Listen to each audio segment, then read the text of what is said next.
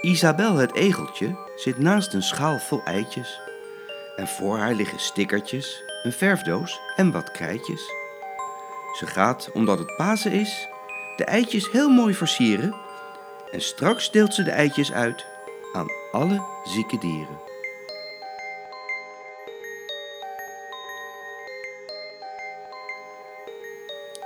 Het paashaasje wil niet eten. Geen soep, geen brood, geen pap. Hij wil geen spersieboontjes en hij wil beslist geen hap. Hij at wel honderd paaseitjes en zijn maag zit boordevol.